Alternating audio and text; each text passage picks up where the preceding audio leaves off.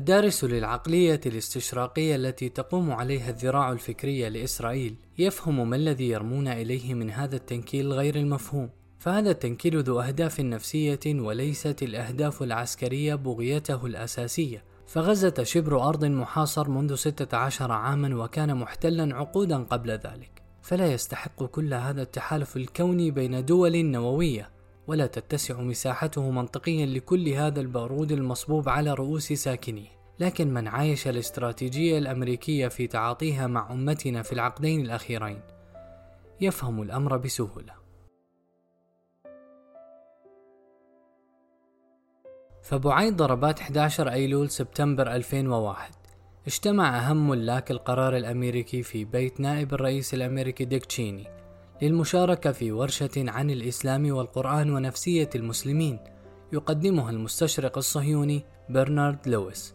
أخذ القوم مجالسهم وتقدم العجوز ليشرح نظريته التي غدت سياسة معتمدة في إدارة بوش بعد ذلك. تحدث الرجل الذي بدأ حياته جاسوسا بريطانيا عن أسباب هجمات المسلمين على الولايات المتحدة والجذور الثقافية لعدم رفعهم الراية البيضاء للحضارة الغربية مقارنة بغيرهم من الأمم. كانت فكرته الأساسية أن ما يقوم به المسلمون من مقاومة هو صوت الزفير الأخير من أنفاس حضارة تحتضر وأن على الغرب أن يكسرهم نفسيا ويذكرهم بأن زمن الندية قد انتهى. لينهزموا نفسيا ويرفعوا الراية البيضاء ثم اقترح غزو بغداد. باعتبارها أهم معقل حضاري نفسي ليقتنعوا بأن عنصر القوة فيهم قد انتهى. تحدث لويس خلال اللقاء بصراحة خلافا لطريقته المتحفظة في مقالاته وكتبه. ولذلك قال لديك تشيني اضربوا العرب بالعصي بين أعينهم فهم لا يفهمون إلا لغة القوة. وقد اعترف بعض هؤلاء الساسة ممن حضر ذلك اللقاء بأن أفكار لويس تلك تحولت إلى إنجيل يرشدهم لحظات التفكير في ملفات المنطقة. هذه الفكرة هي المحركة لكل ما يجري في غزة. فالضرب بين أعين الأطفال هدف بحد ذاته والإبادة والجثث هدف وأنهار الدم الجارية هدف واستعراض الجبروت دون مبرر هدف. وإلا لما تأتي الولايات المتحدة بحملتي طائرات لمقارعة ثلة من الشباب المؤمن المدافع عن أهله وذويه. لما تقوم واشنطن وهي الدولة النووية التي تنفق 39% من الإنفاق العسكري العالمي. لتدخل مباشرة في المعركة جنبا إلى جنب مع إسرائيل النووية. كان يمكن فهم التدخل العسكري الأمريكي المباشر لصالح إسرائيل. لو كانت الحرب مع دولة مثل الصين مثلا أما مع مجموعة من الشباب الفقراء المحاصرين بمنطقة لا يتجاوز عرضها 12 كيلو متر وطولها 41 كيلو فلا يفهم استخدام كل هذه القوة معهم إلا في إطار الحرب النفسية. إن هدف الإسرائيليين ورعاتهم إن هدف الإسرائيليين ورعاتهم من هذا الجنون هو هزيمة المقاومين نفسيا ومحو ثقافة المقاومة من قاموسهم وإطفاء بريق العزة المتلألئ دوما في عيون الشباب المسلم.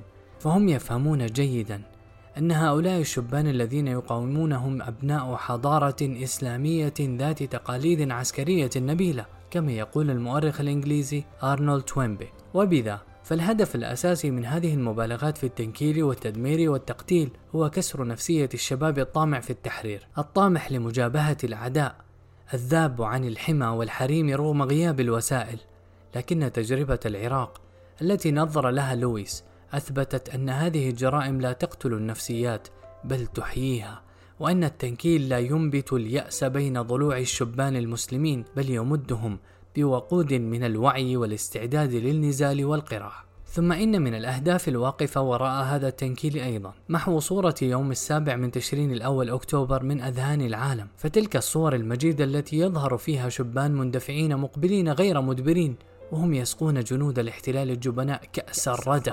ويأسرونهم كالعصافير بين دباباتهم. صورة صادمة لا بد للاحتلال من غسلها وإخفائها. بل لا بد من صور أخرى أبقى منها في الذهن حتى تمحى محوى ولا صور مرشحة لمحو صور الفروسية المجيدة تلك إلا إغراق الدنيا بملايين الصور لأشلاء الأطفال وأنين العجائز ودموع الأمهات الثكالى. وهكذا تتراجع صور الاقتحام البطولي واستخذاء الجنود الجبناء أمام فرسان القسام لتحل محلها صور الشكوى من القسف والقتل.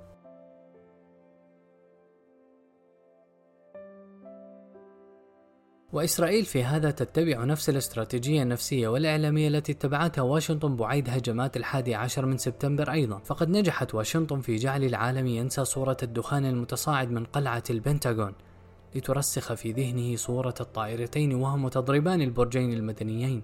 وإسرائيل تكاد تكون الدولة الوحيدة في العالم التي تفهم جيدا محورية الصورة وأن وجودها يستحيل دون آلة دعائية ضخمة. ولذا فهي تكاد تكون الدولة الوحيدة التي أسست وزارة للدعاية لما للجانب النفسي من محورية في معركتها الوجودية. وهي الدولة الأقدر على تجنيد خوارزميات أكبر منصات التواصل الاجتماعي لطمس الرواية الفلسطينية وهي الدويلة اللقطية في محيطها القائمة على صرح من خيال قوامه الدعاية وعمالة القادة المحيطين بها. تستطيع دولة الاحتلال مواصلة دعايتها وتنكيلها بالمدنيين لكن خلاصات أخرى لن تخفى على أي متأمل فيما يجري. فقد كشفت هذه الحرب وسابقاتها بدرجات أقل الهشاشة المريعة للأخلاق الغربية التي لا تكاد تصمد لأي اختبار. فلا يكادون يفقدون مئات الأشخاص في أي معركة حتى يتراجعوا فورا عن كل شعاراتهم الأخلاقية. فقد وقف قادتهم وأعلنوا أن المدنيين الفلسطينيين يجب قتلهم.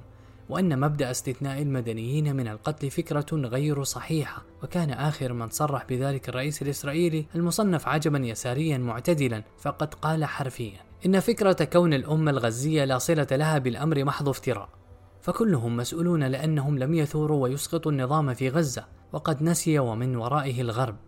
أن هذا يعني تبريرا واضحا للهجمات في الباصات العامة ولهجمات 11 سبتمبر ونسفا لكل ما اتفق عليه البشر طيلة تاريخهم القديم والحديث وهذا المنطق المتهافت يجعل المدني في الغرب أقل حرمة لكونه يستطيع انتخاب قادته والاحتجاج عليهم وعليه فهو مسؤول عن كل أفعال حكوماته ويحل دمه في كل الظروف حسب منطق الرئيس الإسرائيلي.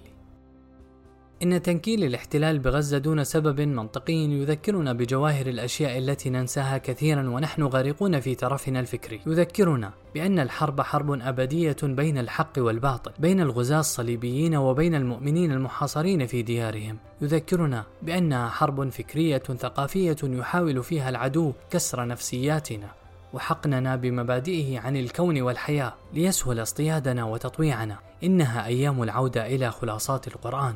وقراءة تاريخ إمارات الصليبيين في الشام وتجديد البناء النفسي الصلب المتكئ على تاريخ مجيد لا يستسلم أصحابه بل ينتصرون أو يموتون. هذه أيام من تلك الأيام التي يفرق فيها كثير من الأمور. أيام تحمل عنفوان التاريخ لتهتز فيها قناعات ويستيقظ فيها أقوام من سباتهم ويعود فيها آخرون إلى تراثهم المهجور باحثين عن أجوبة ومعنى فهذه الأيام منعرج من منعرجات التاريخ وسيأتيكم نبأها بعد حين. إن كل ما يجري تذكار بأن الصليبي لم يخلع عباءته بعد فما زال يلبسها تحت بدلته الأنيقة. وأن الكليات الفكرية التي يتحدث عنها القرآن ينبغي أن تظل دوما حاضرة في الأذهان فهذا أوان عودة الطيور الفكرية المغتربة إلى محاضنها وتوقف تلك الأجنحة المرهقة عن الطيران الحائر في أفلاك الأغراب الأعداء فالصدمات تخلق الوعي والدم المراق ظلما قبس من أنوار الوعي واليقظة فالحرب كما يقول سيغموند فرويد تخلف أمرين لا شك فيهما اختلاف النظرة إلى الموت وتحرر الناس أوهام السلم.